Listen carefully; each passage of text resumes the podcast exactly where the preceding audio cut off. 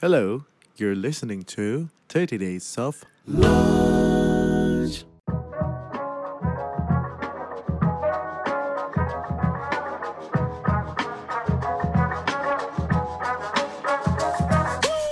apa sih karir gue yang berhilang? What's the purpose of having a wonderful career kalau gue nggak bisa create a bond dengan anak gue?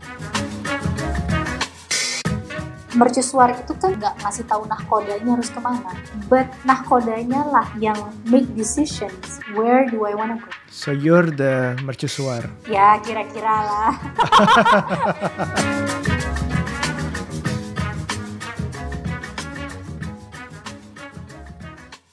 Halo semua teman-teman 30 Days of Lunch, apa kabar? Setelah beberapa minggu kemarin kita ngobrol, kalian tentu pasti dengar ada co-host baru yang namanya Alima Syaruna. Udah ngobrol sama Mbak V, udah ngobrol sama Pak Jamie, dan udah ngobrol sama Coach Yuza kemarin. Tapi gue dapat masukan nih, gue dapat masukan. Kenalin dong co-hostnya tuh siapa, apa lebih detail lagi. Iya gue tahu namanya siapa, tapi gue kan bingung nih siapa sih nanya-nanya ceritanya gimana sih? Karena kalian minta, jadi kita beri asik tapi sebelum itu kita kasih izin yang satu ini lewat dulu hey baru-baru ini aja nih. Lenovo mau meluncurkan dua produk gaming barunya Legion 7 and Legion 5 Pro. Wah keren banget. Tapi barang itu juga yang harus diketahui adalah dia meluncurkan Legion Ultimate Support layanan support terbaru yang khusus gamers. Kenapa khusus gamers? Legion Ultimate Support ini 3 tahun dengan tagline dari gamer untuk gamer pelanggan bisa mendapatkan saran dari seorang teknisi yang juga seorang gamer. Bisa apa aja peningkatan software atau mengoptimalkan hardware yang juga bisa dihubungi 24 jam sehari, 7 hari seminggu, 365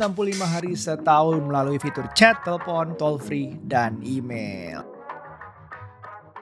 Ya, permintaan itu memang menarik karena gue sendiri memang ya belum memperkenalkan ya siapa itu Alima Syaruna. Hai Runa. Hai. Eh, untuk teman-teman yang belum tahu siapa Runa ini, mungkin gue cerita. Nah, gue kenal Runa tuh dari mana? Jadi sebenarnya kita punya mutual friends yang udah kita tahu lah. Uh, tapi waktu itu akhirnya jadi lumayan sering ketemu karena Runa itu satu kantor dengan Nuca saat itu. Nucha yang menjadi istri gue sekarang dan dia satu kantor di uh, sebuah konsultan politik.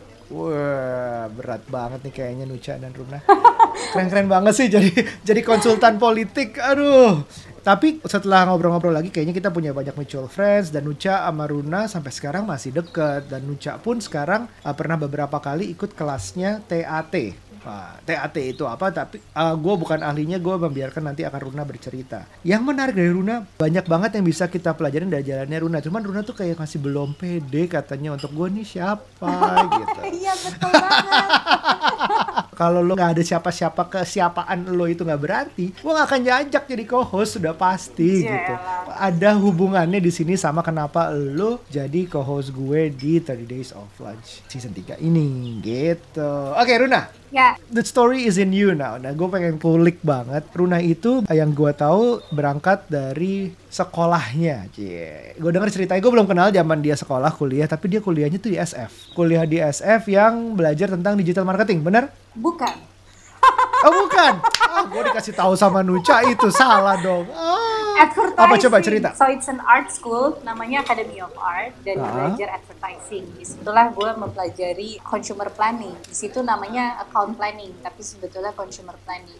Got it. Dari SF itu karena belajarnya ada hubungannya sama advertising, Nucha tuh masuk advertising agency. Yang gua kenal adalah dia udah masuk advertising agency dan sudah menerima award. Kalau anak anak agensi advertising terutama mungkin udah pernah dengar uh, nama Runa dan dia pernah menerima award sampai harus terima awardnya itu jauh banget. Di mana Run? Enggak, enggak, enggak. Jadi ini gue gue, gue luruskan dulu ya, gue luruskan. So, Oke, oke. Oh, cerita gue salah semua. Aduh. iya, Informan gue gimana nih? Coba ya apa namanya you should shoot the messenger. Iya, iya, iya. iya. jadi Gimana, gimana? jadi gue ikut uh, kompetisi waktu itu namanya Young Lions. So uh, kompetisi itu diikuti oleh anak-anak agency, uh, tapi istilahnya tuh the the young one karena gue waktu itu masih muda ya. Ah, I mean my 20s gitu. Terus? Terus uh, yang menang dia akan compete dengan negara lain di Cannes. Cannes, Oke. France Ya, ya. so Young Lions tuh emang part of uh, kalau gue nggak salah inget ya, itu adalah part of the Cannes Festival gitu. Jadi waktu itu P3I kalau nggak salah Persatuan Periklanan di Indonesia bekerja sama dengan salah satu Mhm. majalah dan kompetisi yang Lions ini uh, pemenangnya dikirim ke Cannes untuk compete with other countries gitu. Another Young Lions. Oke, s- so you you're one of the representative from Indonesia gitu ya. Ya, jadi waktu itu gue menang, terus gue ke sana. Tapi at the same time, saat gue ke sana untuk compete Cannes Festival itu, uh, Heeh. kantor tempat gue bekerja dulu menang piala Gold Cannes. Oke, terus terus. Gue lupa dia dia menang di kategori apa, tapi di sana karena kebetulan gue di sana, jadi sekalian disuruh, oke sekalian ya lo naik panggung untuk terima uh, piala itu gitu. Jadi Jadi mewakili diri dan perusahaan. jadi si piala gold yang gue terima di panggung itu sebetulnya adalah kerja teamwork anak-anak kantor gue di mana it's actually not the reason kenapa gue ke Cannes gitu I, I was just happen to be there gitu Oh iya iya iya. Gitu. iya. Waduh, intinya lo you one of the winner untuk Young Lions ke apa bidang kreatif apa itu waktu itu? Um, waktu itu lebih ke media Creative ya competition kan itu ya? ya it's, it's, it's- waktu itu lebih ke arah media. Jadi uh, kita dikasih sebuah soal to solve one of the uh, social problem. Terus uh, media apa yang paling cocok untuk memberikan uh, solusi untuk masalah itu. Jadi kalau misalnya kantor gua nggak menang waktu itu ya gua nggak naik panggung. Gua compete aja di situ. It That was live at advertising agency ya. Iya. Jadi lo tuh um, accepting awards, uh, working with multinational companies as clients, Iya. kerja anak anak ahensi lah kalau sekarang disebutnya anak ahensi yang mungkin uh, akrab dengan kata revisi, oh yes akrab dengan dengan lembur, Yes. akrab dengan revisi dot final underscore final underscore final banget underscore gitu-gitu ya. Iya, iya. Pokoknya filenya diganti-ganti. Pokoknya revisi terus gitu. Pokoknya Ya, anak ahensi ya, betul. seperti itu. dan uh, Nah, pitching it- pitching Mm-mm. pitching lo Dan nggak- pitching. lo belum jadi anak agensi yang belum bisa bilang bahwa lo tuh ini gitu. Lo nggak afdol jadi Nah, anak agency kali? Ya betul. kira-kira seperti itu. Tapi gue inget agency dan Paris. Berarti Emily in Paris nih ya hidupnya kayak. Jadi gue bilang lo belum afdol jadi anak agensi kalau misalnya lo belum uh, pitching banyak. iya betul betul. Eh, tapi lo putar setir dikit. Hmm. kenapa dari agency adverti- dunia advertising ke dunia politik Oke, jadi kalau gue boleh cerita dikit ya, sebetulnya kembali ke waktu gue kuliah itu kan gue ngambil advertising dan di dua tahun pertama itu kita harus mempelajari semuanya. So you have to uh, apa namanya study copywriting, art direction, bahkan sampai Mm-mm. fotografi dan salah satunya juga consumer planning. Nah di situ akhir setelah dua tahun akhirnya kita bahasanya tuh penjurusan lah kita menjuruskan kita sukanya ke mana. Dan di situ gue akhirnya memilih consumer planning karena gue sangat curious tentang human manusia culture dan uh, habit. Jadi manusia itu manusia as, as, as a human tapi juga culture-nya dan behavior-behavior atau habit-habit yang uh, mereka lakukan.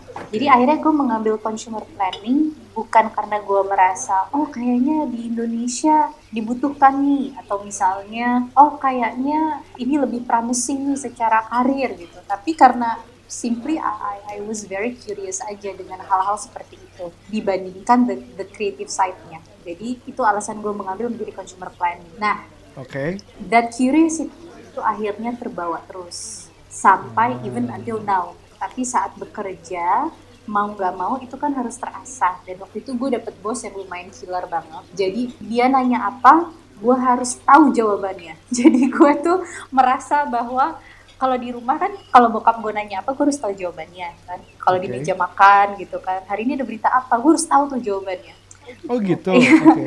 Kalau di eh, kantor sekarang karena ada bos gue di zaman dulu ini gue juga harus tahu segalanya. Jadi gue tuh kayak double effort gitu ya. Oke. Tapi itu akhirnya memicu eh, rasa ingin tahu gue. Dari sisi eh, apalagi bos gue pastinya kan sangat eh, kompeten dan kredibel ya di bidang human behavior eh, bahkan neuroeconomics lah. Terus eh, kenapa orang do certain ways dan itu akhirnya secara nggak langsung mendorong gue untuk mencari tahu lebih banyak tentang uh, manusia waktu dan juga Oke. sense of culture. Uh, kenapa gue sampai ke konsultan politik? Karena setelah uh, di perusahaan pertama gue tiga setengah tahun itu, gue mulai curious tentang uh, bagaimana culture, social, politics works di uh, Yeah. kehidupan kita. Jadi it's basically plain on curiosity, curiosity banget dunia politik itu seperti apa, orang-orangnya seperti apa, uh, apa yang Wah. penting untuk mereka. Terus abis itu membuat campaign di dunia branding, di dunia di dunia marketing sama di dunia politik tuh seberapa berbeda. Lebih ada ada sedikit garisnya sih kalau misalnya kita lihat advertising adalah how you learn about people juga kan what Betul. what people buy consume segala macam sedangkan politik juga relate banget tentang people gitu Iya. how people vote how people behave segala Iya. macam tuh it's all politics Iya. masih relate oke jadi di saat itu kita ketemu uh, lo ketemu Nucha Nucha juga di situ um, you do the kualitatif kuantitatif segala macam uh, market research ya segala macam itu ya Iya. benar ya Ya, kuantinya lebih ke Arya sih. Tapi kita kan Arya. kalau satu karena itu kantornya quite intimate ya. Jadi kan kita Ah, saling ah, ah, membantu dan saling mengerjakan uh, satu Iya, jadi lebih belajar lebih banyak juga Betul. ya. Nah, terus pertanyaan berikutnya, kenapa banting setir lagi? Abis itu dari politik, you know guys, tebak ke mana kiranya berikutnya adalah banking. Di dunia banking, how did it happen? Jadi kan, bener kan di banking langsung atau ada pindah dulu ke mana? Enggak pindah dulu. Jadi kan gue ke konsultan Ah. politik itu cuma enam bulan. Alright. And di situ gue ketemu suami gue kan. Wih, harus dijelaskan Iya, ini. jelaskan. Karena itu arti pentingnya dari konsultan politik itu adalah ketemu suami. Ya, Sumpah. betul. Temennya bos gue. Cari jodoh. Ah. Heeh, terus Jadi terus. lo kebayang kan beda umurnya tuh. Jadi Mm-mm. dari situ uh, balik lagi ke advertising. Jadi waktu itu gue penasaran banget. Uh, gue sudah nih gue merasa beberapa tahun mempelajari consumer behavior, mempelajari uh, mengenai branding and campaign untuk di bidang marketing, FMCG dan sebagainya itu ya. Uh, kalau di politik bagaimana? Dan I have to be honest, saya aku harus uh, jujur pada diri gue sendiri saat itu. Setelah enam bulan, gue merasa bahwa oke, sepertinya uh, saya kurang cocok di sini. Gue kayaknya kurang cocok nih di sini. Uh, gue melihat betapa Nica begitu passionate-nya kan dia sampai S2 politik kan. Arya juga uh, you've met him kan. Uh, Iya. Dan gue lihat pokoknya banyak orang kantor di situ begitu passionate-nya seba- with politics itself gitu. Industri politik And- itu sendiri gitu. Eh, Nucha juga nggak lama loh cabutnya abis loh. Oh gitu ya. Tapi kan Iya dia kan? sebelumnya Hampir dua tahun lah, hampir dua ya, tahun. Iya, iya. sebelumnya dia udah lebih lama dari gue. Jadi Iya. akhirnya gue melihat bahwa kayaknya uh, gue curious, tapi gue udah gak curious lagi gitu. Hmm. So uh, jadi gue pamitan lah baik-baik dan kembali ke agency. Di situlah uh, gue ke agency yang waktu itu uh, membuat gue uh, terkirim ke Cannes. Gitu. Oh jadi advertising, politik, advertising lagi, baru abis itu ke mana? Baru abis itu gue uh, break setahun. Right. freelancing karena baru punya anak. Jadi kalau ngomongin agency life, gue tuh sebetulnya menyukai ritmenya agency life waktu gue single.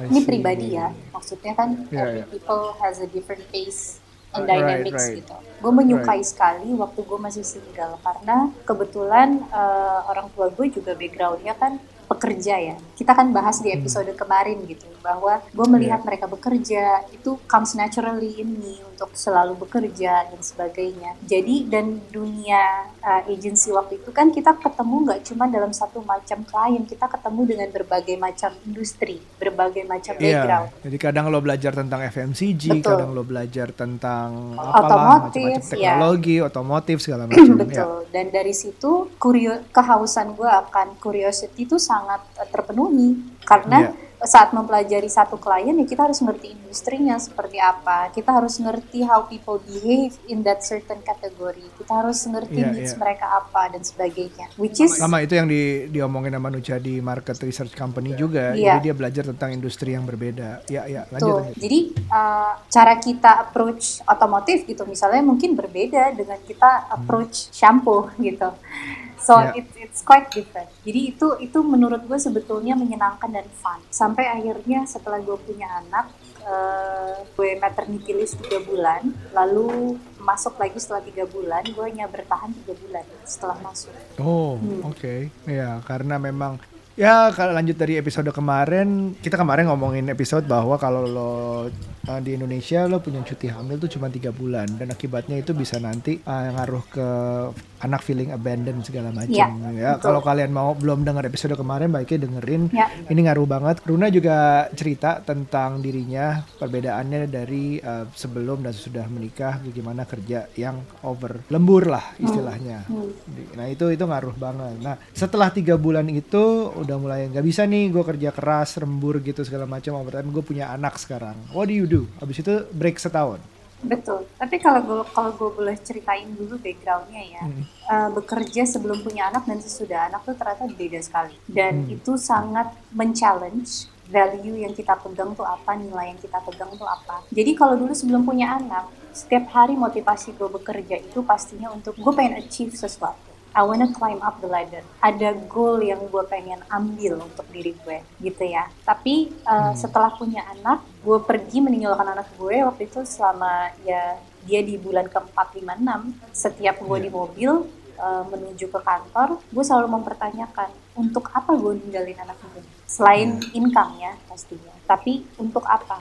Wh- wh- What are the values? Dan gue di situ mulai mempertanyakan, is this the uh, bukan kantornya ya? Karena gue cinta banget waktu itu sama kantornya gitu. Uh, Iya. Gue deket sama bos gue, orang-orangnya baik dan segala macam. Tapi gue mulai mempertanyakan, is this the industry uh, yang ingin gue pertahankan sebagai seorang ibu pribadi loh ya? Like Ya. Uh, semua orang kan pasti punya pemikirannya masing-masing dan valuesnya masing-masing. Jadi gue waktu itu Yeah. berpikir setiap hari gue meninggalkan anak gue to do this, apakah ini yang gue mau? Jadi Oke. ada feeling banyak ya, maksudnya ada feeling guilt-nya pasti ada karena ninggalin anak, Hmm. tapi harus karena waktu itu gue sama suami gue juga masih joint income. uh, tapi juga ada pertanyaan-pertanyaan muncul kalau gue harus meninggalkan anak gue selama ini dari pagi sampai malam gitu ya atau seenggaknya maghrib lah karena kan kalau kita pulangnya sore seenggaknya sampai rumah maghrib gitu Iya. kalau gue pergi sampai pagi sampai maghrib apakah ini hal yang menurut gue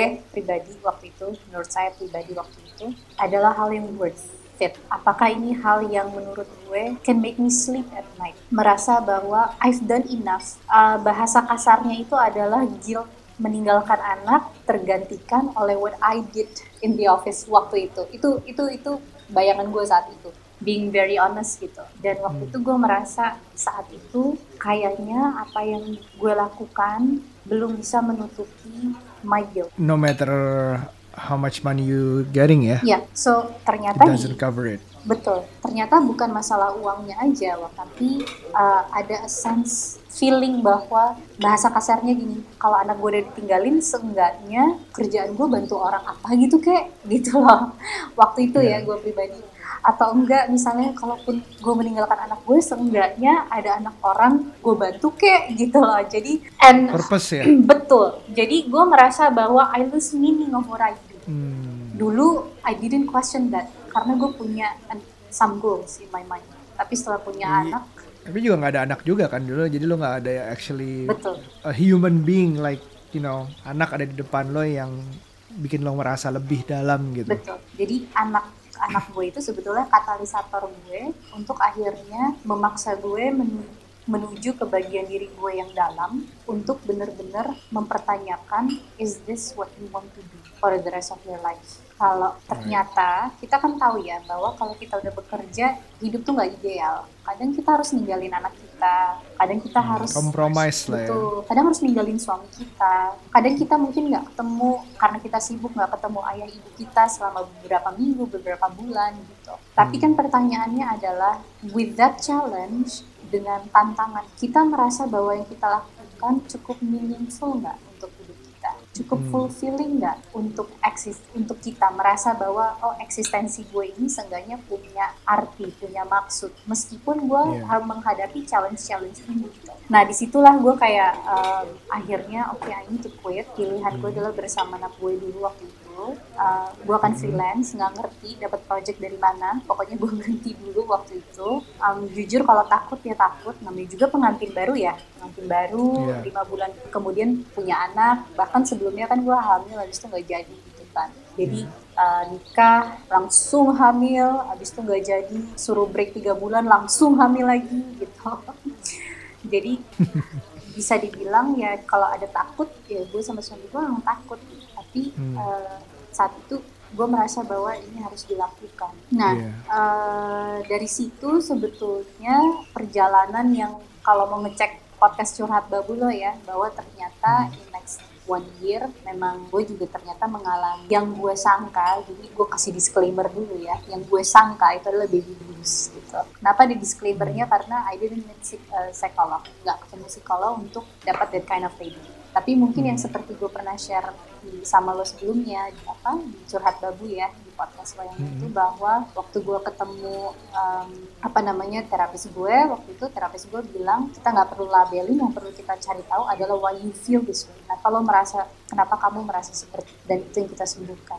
Dan ya dari situlah perjalanan yang betul-betul soul searching gue tuh sebetulnya dimulai banget di saat baby blues itu. Jadi my interest di self healing tuh udah ada dari tahun 2010 sebetulnya. Tapi bener-bener yang lo bilang soul searching sebetulnya dimulai banget tuh dari uh, baby blues itu. Jadi baby blues, you go tiga bulan pertama anak punya anak masih di rumah masih cuti, terus uh, masuk lagi selama tiga bulan lagi ya, terus Oh. akhirnya um, resign, terus freelance selama satu tahun menjalani yang namanya baby blues itu. Terus how did it go? How did itu berawal dari situ mungkin sampai akhirnya katanya sempat kerja lagi. Sempat Itu kenapa? Hmm, dari situ gue mulai cari lagi kerja. Tapi kali ini, jadi waktu itu kalau boleh jujur gue agak BU ya. Terus gue mikir, Oke. Oh, kita semua BU kok. kenapa gue BU? Boleh Antara butuh antara butuh uang atau banyak uang lah. Iya, iya benar. Jadi kalau misalnya dicek ya, ah, itu masalah bisa dimulai dari mana? Dengerin podcast sebelum ini, promosi. Jadi waktu itu gue BU terus gue mikir, em, ya udah deh, gue akan mencari pekerjaan yang 9 to 5 deh pokoknya. Pokoknya gue Oke. gue nggak mau kompromis, gue mau bangun pagi, masih bisa mandiin pagi anak gue, gue masih mau pulang, masih bisa nyuapin dia makan malam, dan spend time with him. Karena waktu itu kan dia masih kurang lebih satu tahunan ya. Jadi I think I think I wanna work. Gue gue harus bekerja nih. Dan waktu itu ya gue akhirnya bekerja di sebuah perusahaan dengan waktu itu janjinya memang 9 to 5 Janjinya, oke. jadinya. Nah, cuman kekosongan di dalam diri gue ini justru bertambah besar. Karena kan kita waktu saat men- eh, doing doing healing ke dalam diri kita, waktu masa-masa di freelance gue merasa baby blues itu, itu kan justru adalah saat kita ngelihat ke dalam diri kita, oh sebetulnya saya itu pengen achieve A karena apa? Ada wound apa? Gue tuh dulu merasa B karena ada pain apa? Itu kan kita ngelihat benar-benar ke dalam. Dan di Oke. situ mulai menata bahwa kayaknya ada hal-hal yang harus gue tuju dalam arahan hidup gue deh, gitu. Dan gue kayaknya Oke. lebih pingin ke arah yang giving meaning to others dengan helping them.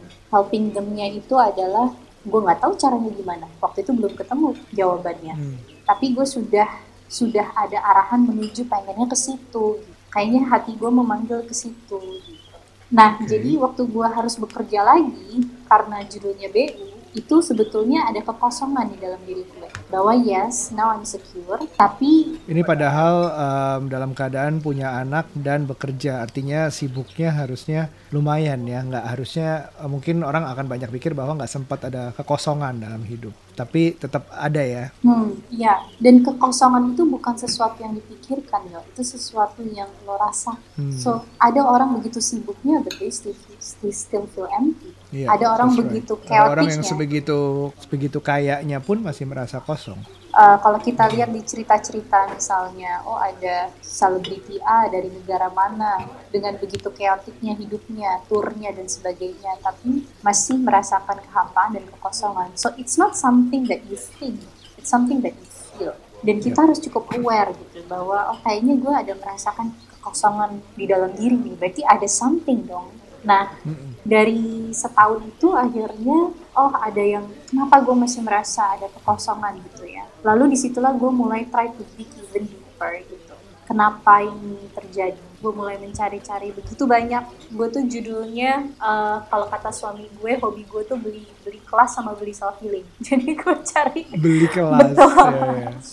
dia bilang kalau gue baru dapat bonus suami gue langsung nanya kamu mau beli kelas kelas apa bu gitu kalau yang lain kan kamu mau beli tas Ah. apa bu kalau ini kamu beli kelas apa lagi bu gitu Runa ini yang memperkenalkan gue juga ke Mind Valley yang sekarang lagi gue pelajarin. Mind Valley itu semacam kelas-kelas kayak master class ya, tapi menuju self healing. iya iya Banyak banyak banyak topik-topik yang menuju mindfulness, self healing, meditation, relationship gitu segala macam. ya. betul betul betul Mind Valley itu gue temukan di masa-masa uh, gue setahun freelance itu terus gue langsung jatuh cinta banget gitu Iya, ya kalian bisa coba juga sih kalau hari- sekarang gue lagi ngikutin Ken Honda sama Dr. Shefali untuk parenting. Eh, ya oke itu sekilas kita tidak sponsori Mind Valley by the way, tapi ya silakan lanjut. Iya, jadi um, di tengah-tengah itu ya life goes on. Jadi maksudnya gue juga mengerti beberapa orang yang mungkin mengalami apa yang gue alami bahwa meskipun lo merasa nggak nyaman, lo merasa nggak enak, lo merasa ada yang kosong gitu. Padahal apa sih yang lo, apa sih kalau gue ngomong ke orang ya, orang itu biasanya akan mempertanyakan apa sih yang kurang. Lo suami Iya. punya, baik, anak punya, lucu, pinter, lo kerjaan punya, terus apa, apa yang lo cari gitu. So gue waktu itu lumayan menyalahkan diri gue waktu itu karena setiap gue cerita sama orang tanggapannya selalu seperti itu.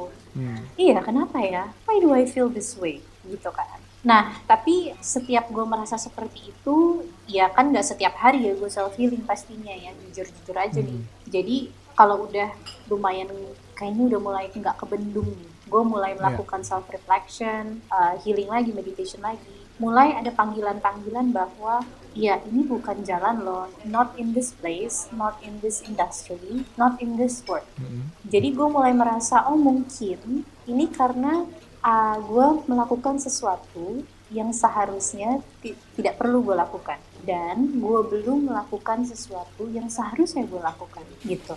Jadi gue akhirnya mulai uh, ngobrol-ngobrol sama orang sampai akhirnya itulah yang membuat gue pindah ke banking tapi di bagian CSR-nya Oke, kenapa men- menekankan tapi di bagian CSR? Betul, karena waktu itu gue sudah mulai uh, kurang lebih around 50 or 60% menemukan jawaban bahwa I think the reasons why I exist di sini adalah ada bagian diri gue yang dibutuhkan atau gue mungkin bagian diri gue yang secara pribadi unconsciously membutuhkan to help others I see. in a way yang cukup direct gitu. Karena kan helping others ada yang direct, ada yang indirect Iya.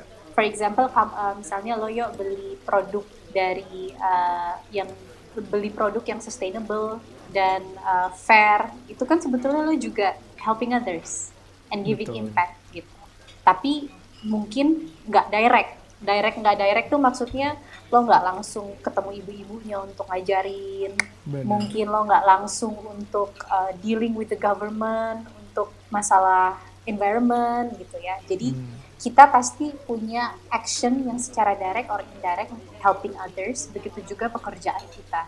Nah, Iya. tapi panggilan gue waktu itu lebih ke arah I need to help someone directly. Dan dengan background gue yang memang curious, penasaran macam-macam, seneng sama human, their behavior, dan sebagainya.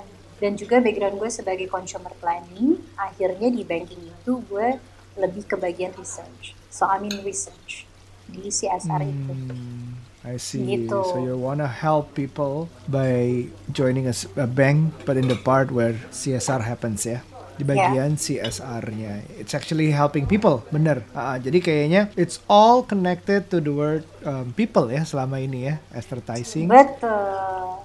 Betul. 100 konsultan buat politik Aryo. dan people dan CSR di bank. Alright, right. Oke.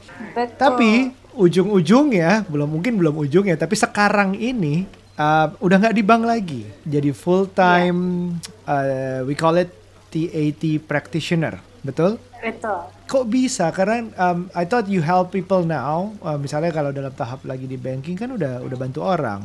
Terus what change? What made you change sekarang? So semakin lama semakin mengerucut ya ya. Jadi Mm-mm. em, kadang-kadang kita mengetahui apa yang harus kita lakukan kan nggak instan. Iya. Kalau waktu gue baru masuk di perusahaan gue yang pertama banget, gue tuh udah mulai mempertanyakan eh, tujuan gue hidup di sini tuh apa sih? Eh, truly not in a desperate tone. Eh, bukan desperate tone tuh maksudnya aduh ngapainnya gue hidup. Bukan begitu, Mm-mm. tapi lebih kepada I exist in this world. Apa yang gue bawa? apa sih tujuannya gitu. Jadi akhirnya perubahan itu gue berani mengambil langkah perubahan setelah dari CSR and I love that company.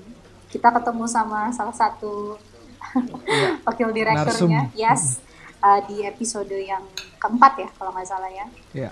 So waktu itu gue ikut retreat di awal tahun 2018. Jadi namanya Awake, Saat masih masih ya saat masih di situ ya. saat masih Ah. di situ Awaken the Divine You namanya Uh, yang waktu itu uh, hold retreat Master Umesh jadi uh, waktu itu gue ngambil cuti uh, retreatnya tujuh hari atau delapan hari kayaknya delapan hari Wait, this is outside the office kan? Outside bukan the office. Ah, ah, Oke, terus terus. nah waktu gue ikut retreat itu ya itu ya dari awal hari sampai hari terakhir tuh gue nangis terus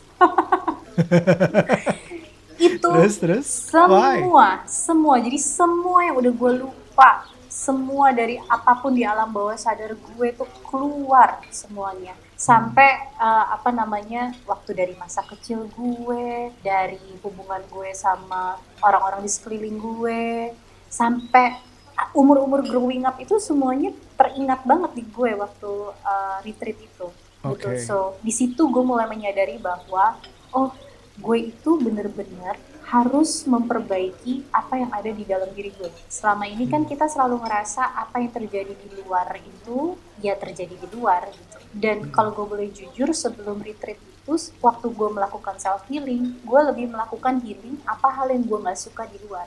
Contoh misalnya gue diserempet bajai, gue lebih healing, gue benci banget bajai itu. Gimana supaya benci ini hilang? Gue melakukan self healing gitu ya. Ini contohnya. Hmm, oke, Tapi terus, terus. setelah retreat itu, itu seperti membuka mata dan hati gue bahwa, eh sebenarnya apa yang terjadi di sekeliling gue itu hanyalah mirror dari apa yang terjadi di dalam diri gue. Sebelum retreat itu gue pernah mempertanyakan kenapa hidup gue begitu chaotic dan kenapa eh, ada kekosongan dan kehampaan ini ya yang pernah kita bahas. Setelah retreat itu, gue mulai menyadari bahwa ternyata semuanya semua masalahnya tuh ada di dalam diri gue dari uh, all my traumas, all my pain, all my wound, all my perception, persepsi-persepsi yang gue serap, belief system, Yeah. belief system yang gue serap. Di mana akhirnya gue menyadari bahwa, oh kalau begitu, yang harus dibenerin bukan keliling sekeliling gue, tapi ya gue, gitu. Kalau gue punya masalah sama tim, ya gue harus merefleksikan, ada apa ya di dalam diri gue sampai gue face this problem. Hmm. jadi akhirnya gue menyadari bahwa em, kita tuh kayak kalau kita kayak ngeli- kita tuh kayak di ruangan yo. Terus habis itu ada jendela di balik jendela itu kan ada pohon ya. Kita ngeliat pohon itu lurus. Kalau jendelanya bengkok tuh pohon juga kelihatannya bengkok kan Ya. ya so it's exactly like that jadi uh, that that days membuka pemahaman gue bahwa oh ternyata pohon-pohon yang bengkok dalam hidup gue itu sebetulnya karena kaca gue itu juga bengkok Ah, oke oke. Eh, ini penting sih untuk untuk orang-orang merasa bahwa em, sebelum kita ngelihat keluar kita ngeliat ke dalam dulu. Karena juga emang dididiknya untuk beberapa orang bahkan waktu kecil jatuh kepentok meja. salah kursinya. Aduh, mejanya nakal nih. Aduh, pukul ah gitu. ya Terus itu itu mungkin contoh kecil sederhana tapi kalau unconsciousnya masuk ya bisa kayak gitu. Bahwa dia jatuh bukan karena dia kurang hati-hati, dia kepleset. Karena ada air ya tapi airnya di- apakah setiap orang yang jatuh kepleset air tuh karena karena airnya? Nggak juga karena keseimbangannya yang kurang mungkin misalnya. Dan itu jalan terus ke ke SD, SMP, SMA bagaimana bahwa em, selalu mencari salah tuh di luar dulu. Betul. Entah itu misalnya orang lain atau keadaan keadaan itu juga di luar kan berarti ya Betul, bukan bukan di dalam. Dan juga misalnya kalau udah mentok nggak tahu bukan salah orang bukan salah keadaan tapi salah oh salahnya itu eh, agama misalnya atau spiritual kita kurang mungkin. Tapi belum melihat ke dalam sebenarnya dalam diri sendiri itu kenapanya gitu. Nah itu yang itu yang mungkin teman-teman eh, yang bisa kita tarik dari salah satu ceritanya Runa ini em, Runa bisa menyadari bisa merasa. Itu yang itu yang em, mungkin yang kita udah pernah ngobrol sama Mas Aji kita udah pernah ngobrol eh, sama beberapa tamu kita lain juga eh, ke dalam melihatnya ke dalam merasa ke dalam mindfulness kita ngobrol sama Mas Ivan juga seperti demikian Hmm. jadi kita selalu melihat ke dalam dulu gitu. Terus Run, kalau misalnya kita uh, lo udah ngerasa itu semua, Mhm. and then you decide to quit Betul. atau Betul. that's it. Bukan, Ha- bukan masih ada perjalanannya lagi. Jadi Hmm. di tahun eh, itu kan 2018 ya. Jadi setelah Hmm. mengalami that kind of experience, gue nggak langsung oh gue mau berhenti nih enggak. Jadi gue masih di tahap eh, try to understand eh, myself dulu. Hmm. Jadi waktu itu bahkan gue nggak berpikir mau jadi praktisi. waktu Iya itu gue Just masih- wanna for yourself aja dulu ya, Yeah, makanya I sembuh untuk diri self healing dulu aja. Ha, ha. I wanna work on myself. I want to uh, waktu itu gue rajin banget meditasi um, uh, ke Golden Space waktu itu ya. Gue rajin TAT untuk diri gue sendiri sampai akhirnya gue berada di tahap oh kayaknya there's something about in my childhood dan gue pengen uh, memberikan childhood yang fair untuk anak gue. Fair. Oke. Jadi gue bilang ke suami gue bahwa boleh nggak sih aku jadi um, apa namanya nggak full time lagi. Waktu itu bahkan gue belum kepikiran menjadi praktisi. Iya iya iya iya. I just want to give him a fair childhood gitu. Aku tahu nanti waktu itu kan dia playgroup menuju TK ya. Hmm. Aku tahu nanti waktu SD dia akan sibuk kembali. Mm-mm. Tapi I feel gue merasa egois waktu itu. Kalau Yeah. I don't spend more time, maksudnya apa sih karir? Kalau akhirnya kita ini menurut gue ya, maksudnya tiap orang beda-beda ya. gue ada disclaimer nih, ini menurut gue. Waktu itu gue berpikir apa sih karir gue yang gemilang? Apa artinya? Kalau gue nggak bisa deket sama anak gue, what's the purpose of having a wonderful career? Kalau gue nggak bisa create a bond dengan anak gue. Dan bond itu nggak bisa ya. Gue melihat sendiri in real cases bahwa kita sebagai orang tua sibuk, nanti pas anaknya udah lulus kuliah, ayo dong kita bonding. Nggak bisa. Itu bukan hal yang terjadi begitu saja. Itu harus ditanam. Dan dari uh, dari all the self healing yang gue lakukan ke diri gue sendiri, gue akhirnya punya rasa bahwa gue owe it to him. Gue owe this years to. Ini gue belum ketemu Coach Yusa waktu itu ya. Kalau udah ketemu gue kayak udah nangis ke dia deh. Yang kayak, ah tolongin gue Coach, udah telat belum nih? Gitu kan. Terus jadi um, udah ya suami gue pastinya as usual uh, terserah kamu give give the blessing Supportive ya. gitu. Tapi perjalanan di akhir 2018 gue kan sering sekali memakai TAT Hmm. untuk part of my work uh, inner work gue gitu. Sampai akhirnya gue merasa ini tuh sangat membantu banget ya untuk gue bisa doing my inner work untuk heal my uh, heal my wound and my pain. Untuk bisa punya sudut pandang baru yang dulu gue nggak kepikiran. Untuk bisa lumayan lah tuh eh, apa namanya kaca yang bengkok bisa dilurusin. Jadi gue bisa ngeliat sebetulnya tuh si pohon di sebelah seperti apa bentuknya gitu. Dan gue akhirnya nelfon Reza. Jadi sebetulnya tahun Reza 2000 Gunawan ya. Tuh. Jadi tahun 2014 tuh sebenarnya gue udah look, apa namanya work on certification untuk jadi TAT practitioner 2000 berapa? 14. 2014. Hmm. Tapi setelah itu kan gue hamil dan setelah hamil itu gue males. Karena waktu itu mindset gue itu waktu itu ya gue seneng aja kalau tiba-tiba jadi praktisi. That's it. There's no other deeper reason. Dan akhirnya sekarang gue mengerti kenapa waktu itu sama Tuhan, semesta atau bahkan uh, my inner self belum dikasih jalan untuk menyelesaikan that certification di tahun 2014 itu. Karena my motivation and my why itu cuman supaya ya keren aja kalau gue jadi TAT practitioner gitu. Karena kan waktu itu gue masih mikirnya karir. Anak gue belum lahir lah 2014 Iya iya iya iya. dibikin aja belum waktu itu kan jadi gue nggak mikirin nggak mikirin a sense of purpose di situ gue yang gue mau Iya. bantu orang keluarga gue kan temen gue kalau misalnya butuh dan keren aja gitu Iya iya iya. iya. dan pastinya semesta tidak mendukung makanya nggak kejadian gitu di tahun 2018 itu saat gue memakai tiba-tiba dalam hati gue kayak ada yang ngasih tahu lo kan udah on a path to be practitioner kenapa nggak diselesaikan you already know kamu udah tahu how this method bisa membantu orang untuk menyembuhkan trauma mereka untuk doing their inner work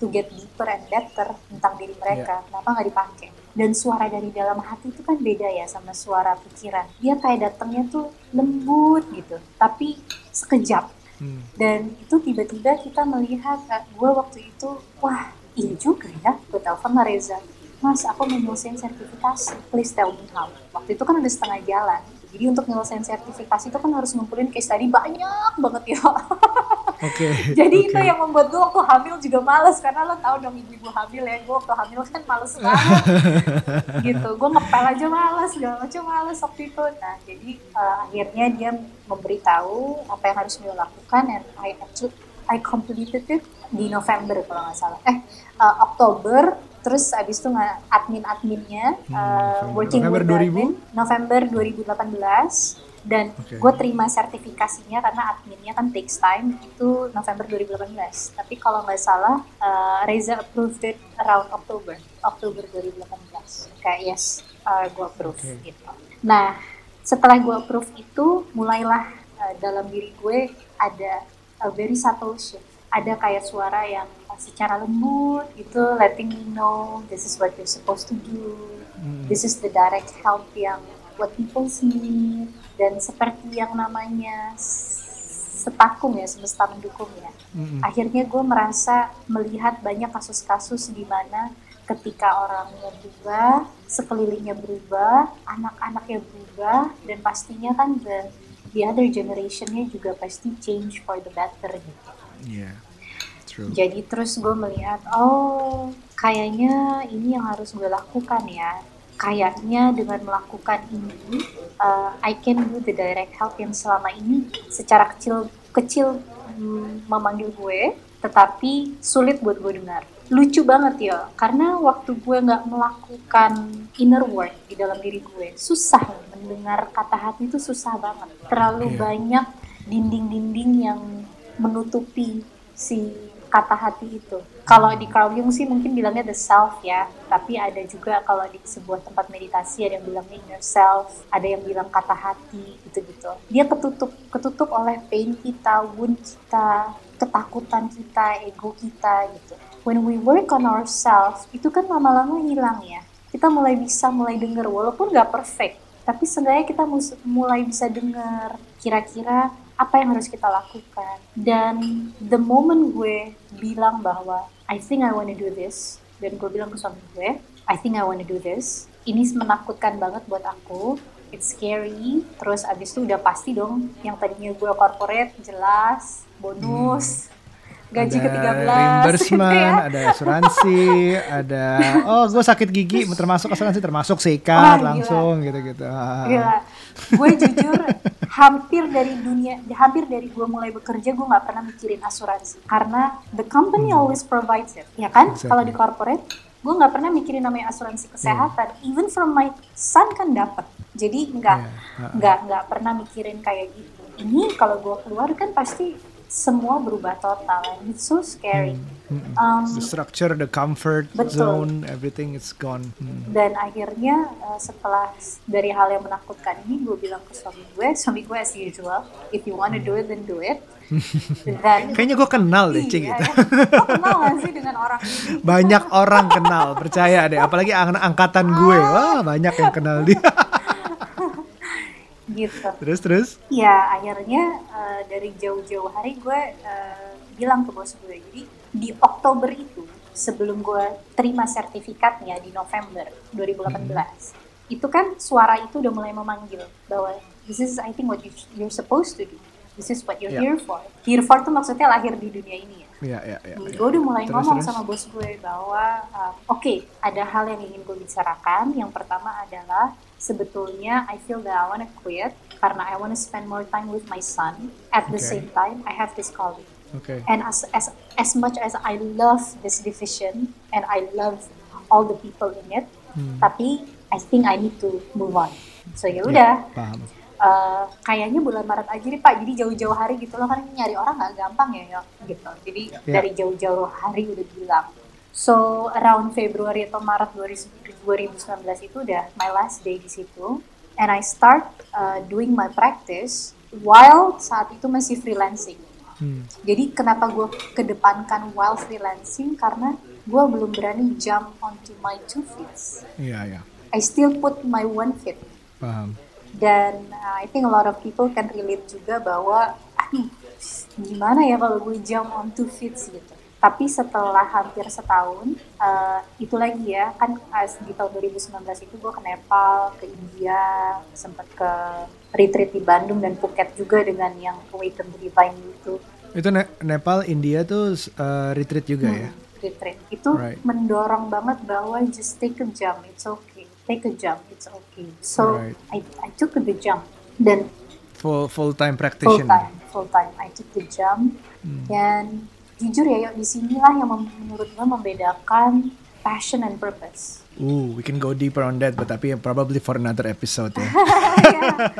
passion dan purpose, passion adalah salah satu topik yang paling banyak kita bicarakan juga. Passion, ikigai, dan purpose-nya itu penting. betul Penting memang. Tapi silakan lanjutkan versi lo. karena gue melihat kalau passion akhirnya orang banyak meng- mensalahartikannya dengan apa yang gue suka Hmm. dan kalau gue udah nggak suka berarti udah nggak passion gue lagi dan kalau uh, suasana environment kondisinya udah nggak menyenangkan. Apa yang gue suka itu termasuk bosnya nggak? Gue nggak suka bosnya lagi udah gitu. Oh, mungkin ya.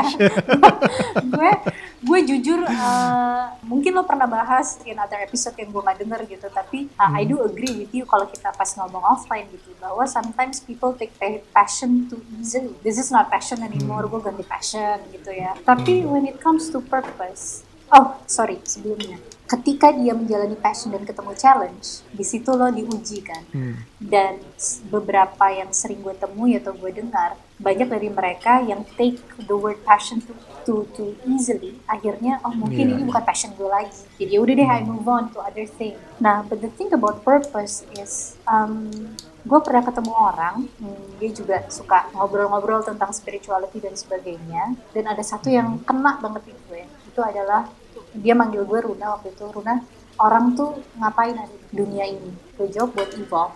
So people kan mereka di sini untuk belajar untuk evolve. Iya benar. Evolve terus tujuan akhirnya apa? Supaya dia bisa. Waktu gue bingung kan jawab apa ya. Ah, sup- Are we talking about human design? no no no no no no. Oh bukan. Um, it- it- ini pembicaraan gue di tahun sama orang ini ya tahun 2000 kurang lebih 16 atau 17 gitu. Oke, Jadi sebelum gue oke. retreat bahkan. Terus dia waktu itu kan gue nggak tahu ya um, apa ya um, mungkin tujuannya supaya kita bisa ketemu dengan the divine sparks ya yang di dalam diri kita. Oke, terus ketemu divine spark terus gunanya buat apa? So we feel in heaven. Oke, so tujuan akhir lo akhirnya supaya lo berada di dunia ini, so you feel in heaven dan waktu lo meninggal apa? Ya gue mau ke heaven lah gitu kan. Hmm, oke. Iya oke. Terus sebelum lo lahir lo dari mana? Kata orang sih dari heaven ya. Oke, jadi lo itu sebelum lahir dari heaven, turun ke bumi, pengennya evolve supaya ngerasa heaven, terus abis itu nanti lah Oke, meninggalnya ke heaven. Terus ngapain lo lahir? Gitu dia bilang. Karena ada satu hal yang harus lo lakukan di dunia. That key. Itu gue pegang terus. Dan itu yang menjadi pertanyaan gue akhirnya kan. Purpose. Betul. So what is my purpose? Apa alasan gue lahir? Jadi bukan kenapa ya gue lahir nggak gitu. Jadi jangan salah artikan.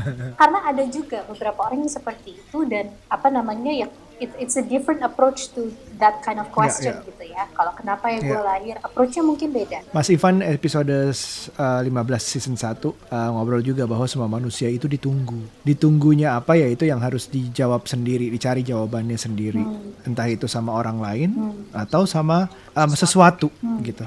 Itu yang itu yang mungkin cocok dengan apa yang lo lagi bicarain di sini. Pasti ada dan lo kenapa dan lo lagi mencari gitu. Apa udah ketemu? Menurut lo apa purpose lo jadinya? belum tahu jujur tapi I feel Okay. I'm on the way there so Alright. waktu itu uh, saat ini gue merasa bahwa I have to give direct help to people Yes. untuk uh, apa namanya helping them heal inside Hmm. so they can heal their outside life Right. And they can bring, you know, positive energy untuk sekitarnya juga. Probably Betul. they can heal people around them indirectly. Nggak harus jadi practitioner atau ngebantu directly, tapi Betul. indirectly dengan memberikan diri yang lebih baik akan memberikan orang lain juga jadi lebih baik Betul. gitu. Dan satu lagi ya, ketika lo menjadi Hmm. praktisi, uh, ada tanggung jawab utama yang nggak pernah boleh lo lupa. Until the day you not become a practitioner anymore. Adalah Hmm. the first person Apa itu? yang harus lo work atau heal adalah yourself. Diri lo sendiri. So, So it doesn't mean that you're a practitioner, you're healed. no, it's just knowing the way better than the one you help ya gitu ya berarti ya lo ada cara-caranya tahu lebih lebih kan ada kela- ada belajarnya, ambil sertifikasinya. Mungkin lo bisa membantu dalam menemukan caranya. Tapi belum pasti kayak I don't know, correct me if I'm wrong bahwa um, gue udah pasti sudah sembuh sebagai practitioner dan gue mau orang lain juga sembuh. Nggak sesederhana itu kan ya. Enggak, and I always say it's a lifetime journey. Lo tau dari It's a mana lo lifetime sembuh? journey.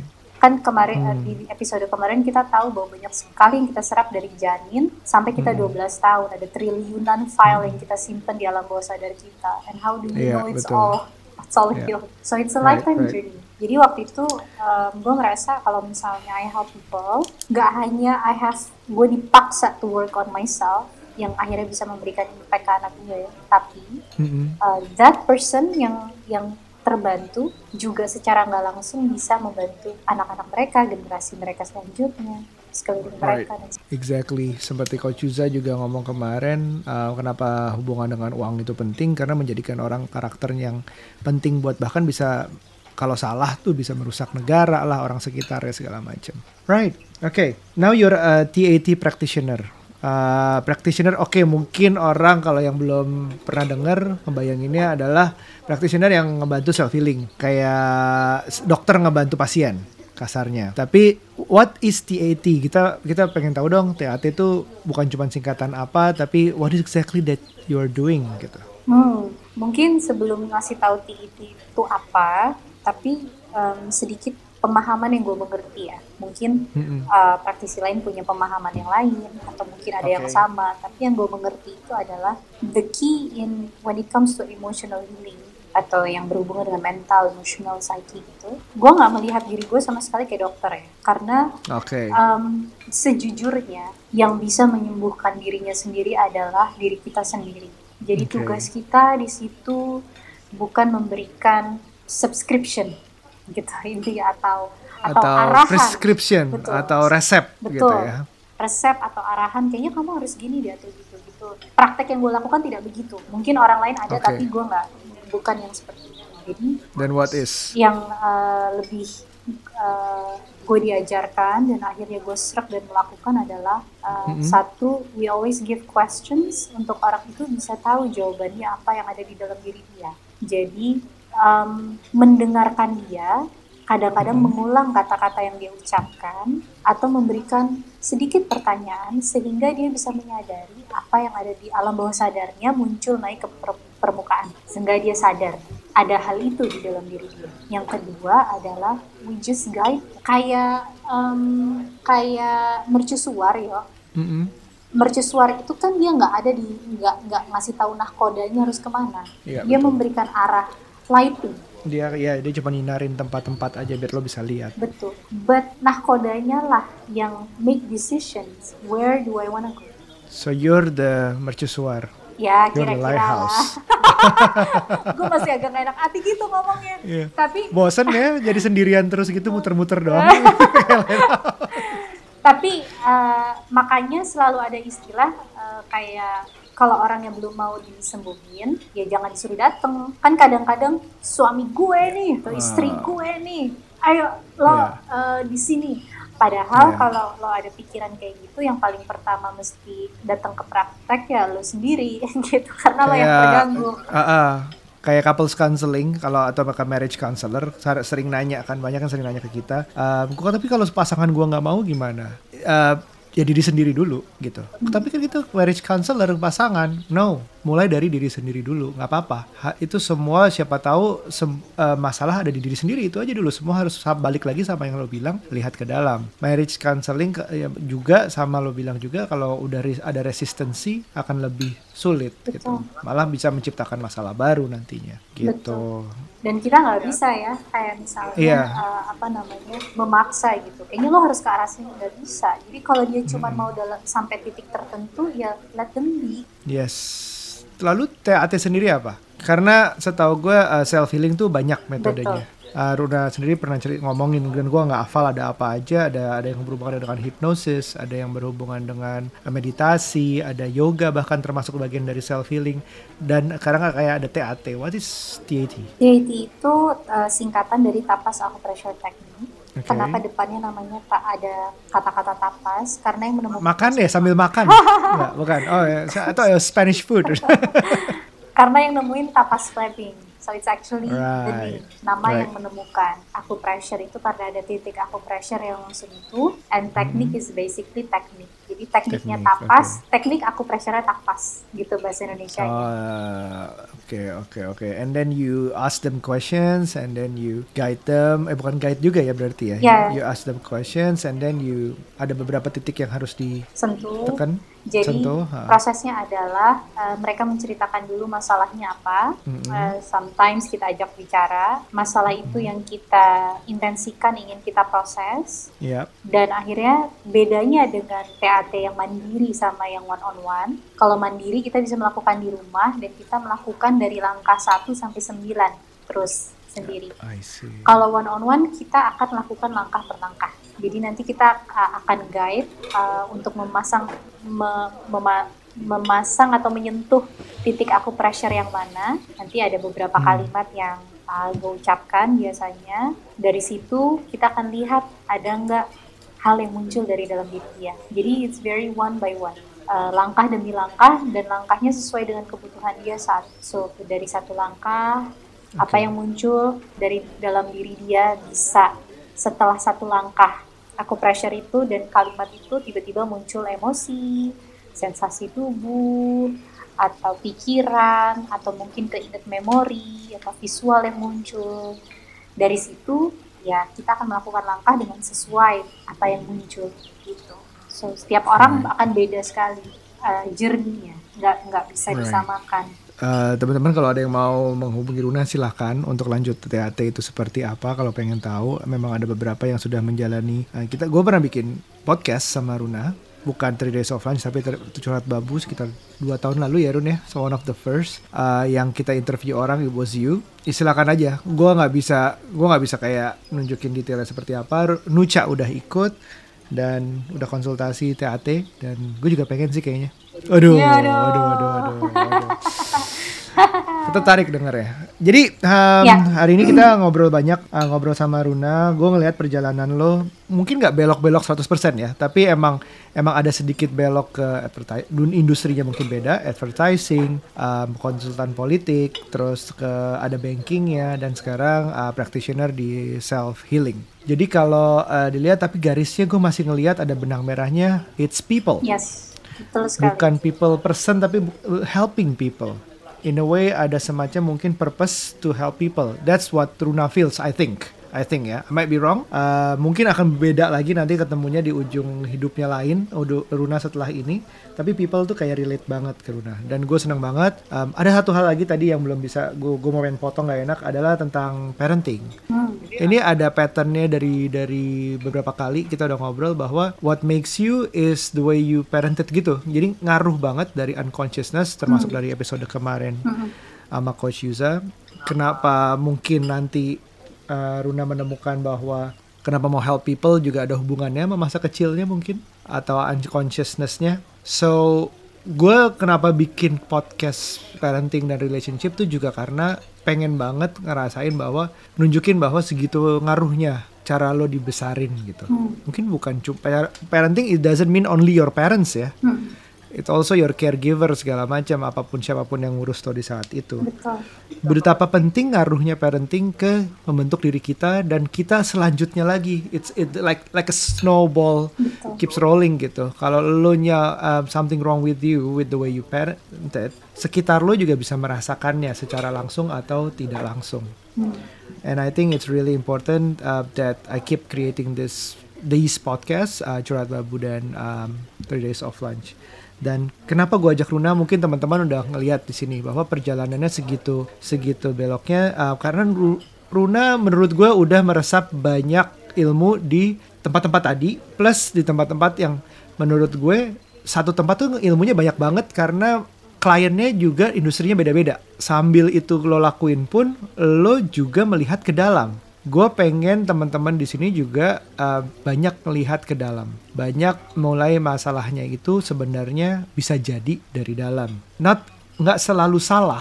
Ma- Masalah tuh bukan berarti ada harus ada yang disalahkan, tapi yang pasti ada yang harus dikembangkan atau diperbaiki menurut gue untuk evolve tadi lebih baik lagi. Betul.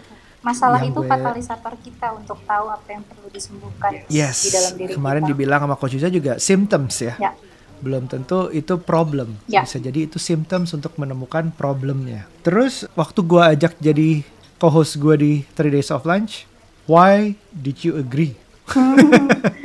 Waktu itu lo bilang lo mau wawancara leaders yang melalui leading stylenya, eh, sorry, nanti dieditkan. Waktu, People. Ya, waktu itu lo pengen wawancara people or leaders Mhm. yang Ya. melalui proses dirinya uh, ke dalam diri mereka dan bagaimana itu bisa terefleksikan di leading style mereka. Ya.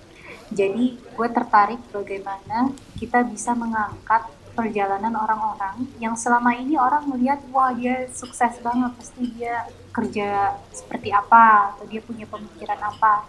Tapi ada satu aspek yang kadang-kadang suka lupa kita lihat yaitu semua orang juga berproses di dalam dirinya dan ada kemungkinan baik besar maupun kecil mereka bisa sampai di posisi itu karena ada perjalanan di dalam dirinya Oke. perjalanan di dalam dirinya itulah yang gue rasa pasti bisa menjadi inspirasi buat kita semua untuk bisa lebih melihat ke dalam, bisa lebih bantu orang untuk lebih aware apa yang mungkin bisa mereka perbaiki di dalam diri mereka, mereka sembuhkan. Gitu sih sebenarnya. Right, right. Again, people. Ya, betul. Helping people.